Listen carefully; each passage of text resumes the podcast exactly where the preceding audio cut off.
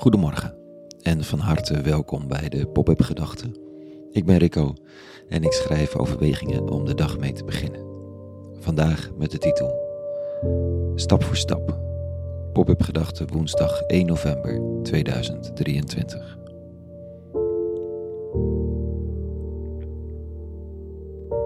Het goede komt niet zo snel. Zo lijkt het. Het vraagt een traagheid en opmerkzaamheid die niet vanzelfsprekend is. Het lijkt wel alsof je het goede niet kunt bouwen, niet kunt fixen en niet kunt uitrollen. Wat denk jij dat er moet gebeuren? vraagt een Amerikaans-Oekraïns stel aan tafel hier in Kroatië. Help, denk ik onwillekeurig. En vraagt dan waaraan? Nou, aan het vluchtelingenvraagstuk. Wat is de oplossing? Wat een vraag. En ik besef dat het deze vragen zijn die deel zijn van het probleem. De vraag naar de ene oplossing. Het gesprek over de ene sleutel waarvoor het slechts nodig is dat die dit doet en die ander dat en dan is het gefixt. Dat dit deel is van het probleem. Het systematiseren, schematiseren en conceptualiseren. Ik hou ervan, soms. Maar als het om mensen gaat en pijnlijke, schrijnende ellende, dan is het op zijn best vaak niet meer dan borrelpraat. Vaak is het ook gewoon pijn vermijden. Want het goede komt langzaam, is rafelig en ingewikkeld, vraagt om barmhartigheid en willen vergeven en over de eigen pijn heen kijken. Hoe moeten vrienden waarvan de een diepe banden heeft met Joden en de ander met Syriërs of Palestijnen, hoe moeten zij in dit conflict elkaar vinden? Als zij elkaars Instagram-posts lezen. Hoe dan? Want er is ook nog zoiets als staan voor waarheid en het maskeren van valse of eenzijdige informatie toch. En dieper en dieper vreet het extremisme aan de onderlinge verbanden in de samenleving. Wat komt er dan langzaam als het goede langzaam komt?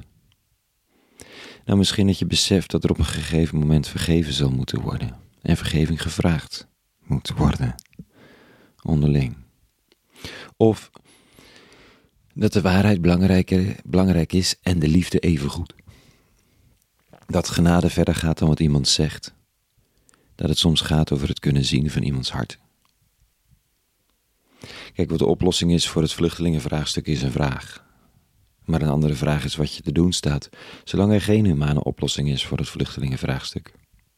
En misschien kun je die vraag nog wel veel beter stellen dan dat. Waar je je tijd wil doorbrengen bijvoorbeeld en met wie. En een deel van mijn tijd is bestemd voor de mensen aan onze Europese grenzen. En dan is de vraag waarom niet in eigen land? Nou, daar ook, daar ook natuurlijk. Niet te snel.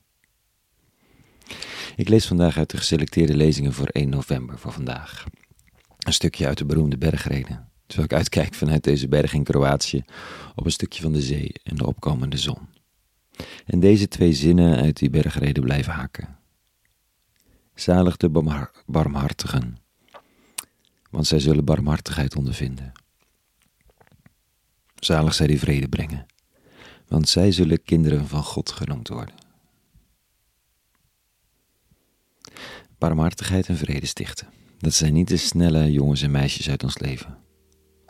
Het zijn traagheid en rust, dieper zien en pas op de plaats maken, horen en blijven horen. Het omturnen van ik kan het, ik kan het je niet vergeven, naar ik kan het je nog niet vergeven.